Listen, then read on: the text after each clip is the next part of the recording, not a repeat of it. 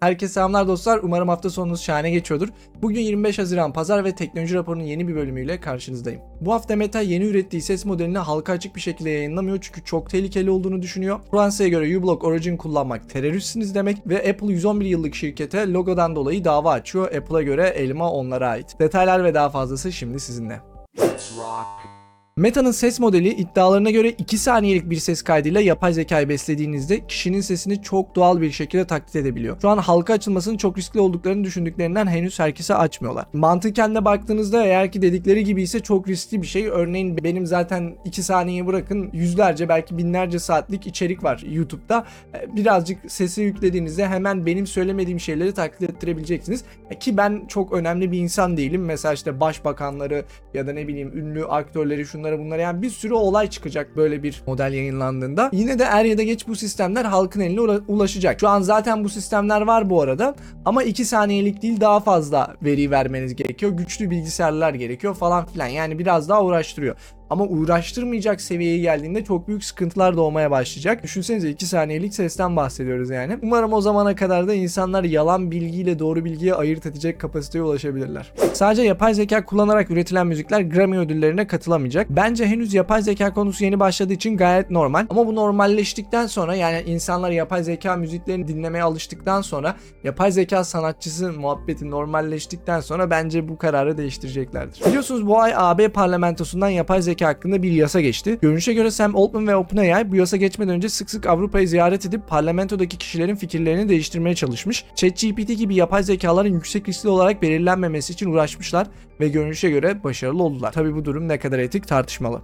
Google Bard'ın doğru çıktı verip vermediğini kontrol eden ekibe gerekirse kaliteyi boş verin denmiş. Bu ekipse yeteri kadar zaman verilmediğini söylüyor. Bence her ne olursa olsun bu tarz üretken yapay zekalarda mutlaka yanlış bilgi olacak. Burada kullanıcının yanlışla doğruyu ayırmasını bilmesi gerekiyor. gerekiyor.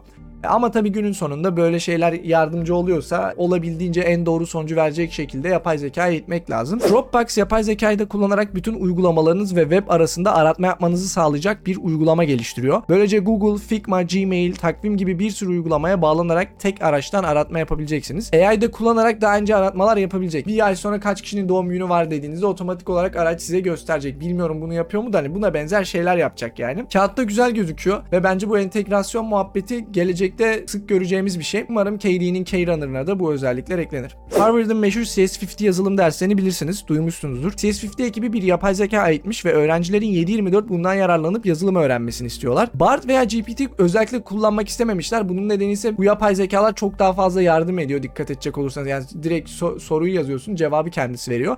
Kendi eğittikleri yapay zeka sadece elinden tutuyormuş yani ne tarz yöne gitmesi gerektiğini falan anlatıyormuş. Bakalım artık seneye ne kadar faydalı olduklarına dair istatistikleri muhtemelen yayınlarlar. Yapay zekanın efektif yapamadığı bazı şeyleri yapması için insanlara para ödeniyor. Örneğin veri etiketleme muhabbeti. Yapılan bir araştırmaya göre bu işlemi yapan insanların %33 ile %46 civarı yapay zeka kullanarak bu işlemleri yapıyor. Yani siz yapay zeka yaptıramadığınız bir işi insana veriyorsunuz yap diye. Bunlar da daha hızlı bitirmek için yapay zeka kullanıyor. Ne diyelim yapay zeka cehennemine hoş geldiniz. Swing adındaki bir VPN servisi kullanıcılarını botnet olarak kullanıyor. Siz VPN bağlantısı yaptığımı zannederken arka planda sürekli birilerine DDoS atıyorsunuz. Ayrıca makalede ilginç bir bulguysa siz daha gizlilik sözleşmesini kabul etmeden arka plandaki bilgilerinizi sunucuya gönderiyor. Burada biz iki şey anlıyoruz. Birincisi bilmediğiniz uygulamaları, bilmediğiniz VPN'leri indirmeyin. Ne olduğu belirsiz. Botnet'in parçası oluyorsunuz yani. İkincisi ise sırf gizlilik sözleşmesi var diye o gizlilik sözleşmesine uyacak diye bir kanı yok. Tabi yasal olarak uymak zorunda ama uymaya da bilir. Bilemezsin. Dolayısıyla neyi indirdiğinize, neyi kurduğunuza, neyi kullandığınıza kesinlikle dikkat edin. Hackerlar çaldıkları 80 GB'lık veriyle Reddit'i tehdit ediyorlar. Verilerin silinmesine karşılık 4,5 milyon dolar para ve API değişikliğini geri çevirmelerini istiyor. Reddit'in açıklaması ise bu veriler arasında kullanıcı bilgileri veya şifreleri gibi bir şey yok. Ama ben Reddit'in hiç geri adım atacağını sanmıyorum bu konu hakkında.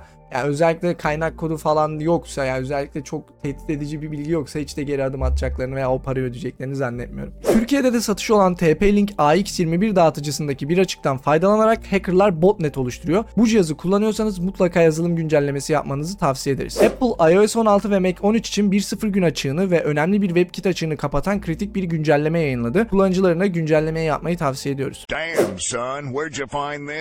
Avrupa Birliği Apple'ın cihazlarında bataryaların kullanıcılar tarafından kolayca değiştirilebilmesini istiyor. Tabii ki bunu yine birçok kullanıcı yapmak istemeyecektir. Servise para ödeyecektir. Ama ürünü satın alıyorsam bence seçeneklerim arasında var olmalı. Yani istersem aldığım ürünün bataryasını kendim değiştirebilmeliyim. Twitch geçtiğimiz günlerde yayıncılara 70'e 30'luk pay veren Twitch Partner Plus'ı açıkladı. Buna göre eğer ki aylık 350 paralı aboneniz varsa 100 bin dolara erişene kadar abonelerinizden gelen paranın %70'ini siz alıyorsunuz. Normali ise %50-50 bu arada. İlk bakışta kağıtta çok güzel gözüküyor ama biraz daha derinlemesine baktığınızda bu Partner Plus muhabbetinden yararlanabilen sadece %2.5 yayıncıların e, yüzdeliğine baktığınızda. Çünkü çoğu yayıncının 350 paralı aboneliği yok. Yani buna erişmek çok zor bir şey. Şu an bizim katıl üyeleri için de aynı şekilde. Yani 300, 350 yok mesela çok daha az. Bir ara 100'e çıktı sonra tekrar geri indi. Çünkü insanlar abone olduğu zaman mesela bir defa abone oluyor sonra geri iptal ediyor. Bir süre sonra belki tekrar abone oluyor falan ama yani 350 abone olması hele ki yeni başlayanlar için hiç kolay bir şey değil. Twitch madem bir şey yapmaya çalışıyorsun bari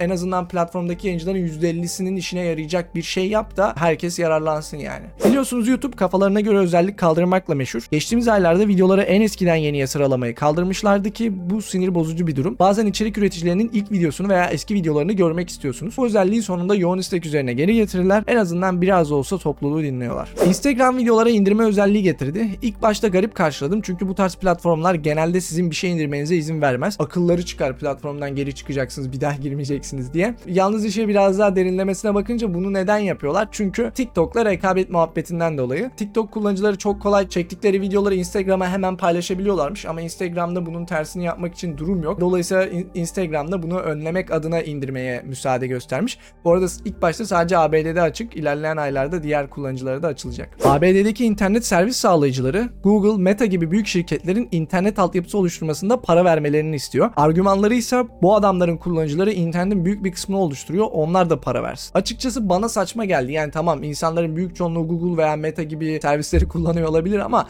sonuç olarak senin müşterin yani. İnternete erişmek için sana para ödüyor. O altyapıyı senin oluşturman lazım. Ve bu arada bence Google, Meta gibi şirketler bu işe girse yani bu işe el atsa emin olun rekabet çok fazla artar. Yani tabii atmak isterler mi istemezler mi soru işareti ama mesela Google bazı bölgelerde galiba Amerika'nın veriyor internet. Çok ucuza veriyor. Keşke atsalar, keşke rekabeti arttırsalar. O zaman bakalım böyle böyle diyecek misiniz? O zaman da tam tersini söyleyecekler.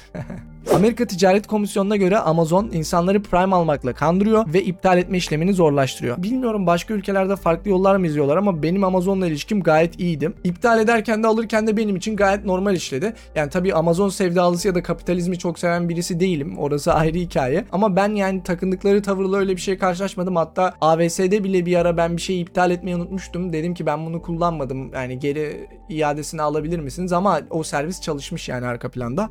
Tamam bu seferlik e, iptal edelim dediler yani. Benim karşılaştığım kadarıyla Amazon bence iyi. Ama tabii öyle yapıyorsa cezasını alsın. Sadece bu habere şaşırdım. Apple 111 yıllık elma logosu olan şirkete logosunu değiştirmesi için dava açtı. Apple senden önce de elma vardı. İnsanlar elmayı yıllardır tüketiyor. Elma herkesin bildiği bir şey. Sadece sana özel değil yani o logo ki işin ilginç yanı bu adamların zaten 111 yıldır elmayı kullanıyorlarmış yani. Ne alaka şimdi bilemedim. Reddit yavaş yavaş moderatörleri değiştirmeye başladı. Ancak görünen o ki moderatörleri değiştirmek o kadar kolay bir şey değil. Çünkü bu moderatörler milyonlarca insan olan toplulukları gönüllü olarak yönetiyorlar ve yapması zor bir iş. Ha dediğiniz zaman 10 milyon abonesi olan bir topluluğu yönetemiyorsunuz. Reddit'in ana mantığı zaten gönüllülerden oluşmasıydı. Bakalım bu işin son nereye varacak. Fransa polisinin hazırlandığı davada uBlock Origin kullanmak, laptopunuzu şifrelemek veya uçtan şifrelenmiş mesajlaşma kullanmak terörist olduğunuz anlamına geliyor. Tabii ki bu uygulamaları veya bu servisleri teröristler de kullanıyor olabilir ama o zaman ona bakarsanız teröristler yemek yiyor. E, yemek yiyen herkes terörist mi? Yani bu argüman nasıl işliyor bilmiyorum. Yani umarım davada kabul edilmez bu argüman. Çünkü haberden anladığım kadarıyla Fransa polisi bu argümanla davaya hazırlanıyor yani anlamadım açıkçası. Avrupa'da zaten bir değişik bir yandan hem böyle çerez merez muhabbetini getiriyor. Yani şirketlerin boğazını sarılıyorlar. E bir yandan kullanıcıların şifreleme e, yapmasını istemiyorlar. Anlamadım ben de. Neyse bakalım bakalım ne olacak. DuckDuckGo tarayıcısının Windows için beta sürümü yayınlandı. Henüz eklenti ekleyemiyorsunuz ama içerisinde mahremiyetinize önem veren bir sürü özellik mevcut. Yalnız bu uygulamanın kaynak kodunu bulamadım. Yani GitHub sayfalarında bunu yayınlamamışlar. Bilmiyorum belki ileride yayınlarlar. Ve bu arada Linux için de bir paketleri yok. Dolayısıyla Linux kullanıcıları da kullanamıyor. E bakalım hani beta'dan çıksın, yayınlansın. Linux için varsa inceleriz. Bir de tabii ki e, DuckDuckGo'nun bunu özgür yazılım yapacağını ümit ediyorum. Çünkü Android ve iOS tarafında da özgür yazılım yayınladıkları tarayıcılar. Meta Kanada'da artık haber yayınlamayacak. Kanada'nın yeni geçirdiği yasaya göre Facebook gibi platformlar haber yayınlayanlara ek olarak para ödemeli. Çünkü genelde insanlar sosyal medya mecralarından haberi okuyup geçiyor ve bağlantıya tıklamıyorlar. Bu yüzden de haber kanalları para kazanamıyor. Kanada'da izleyicilerimiz varsa Instagram veya Facebook'ta artık haber görmeyeceksiniz. Tabii bu iyi bir şey de olabilir belki akıl sağlığınız için bilemiyorum. Ama benim merak ettiğim şey diğer ülkelerde Kanada gibi bir yasa çıkarırlarsa yani Facebook, Google neyse artık derlerse abi sizin parayı vermeniz lazım bu haber kanallarını çünkü insanlar tıklamıyor sizin yüzünüzden derse o zaman ne olacak bilmiyorum. Amerika'da göçmenlerle ilgilenen bakanlık suçları önceden tahmin etmek için veri satın alıyor. Bu haberi duyunca Minority Report filmi aklıma geldi. Sizce suçu önceden tahmin etmek ilerleyen zamanlarda mümkün olabilir mi? Vice artık Türkiye'deki kullanıcılarının başka ülkelerde banka hesabı olmasına izin vermeyecek. Merak ediyorum acaba neden böyle bir şey yaptılar? Evet dostlar bu haftaki teknoloji raporunda sonuna geldik. Her zaman olduğu gibi haberler veya benim yorumlarım hakkındaki düşüncelerinizi aşağıda bekliyor olacağım. Ve teknoloji raporunu podcast olarak da takip edebilirsiniz. Sevdiğiniz podcast uygulamasında teknoloji raporu diye aratırsanız bulacaksınız.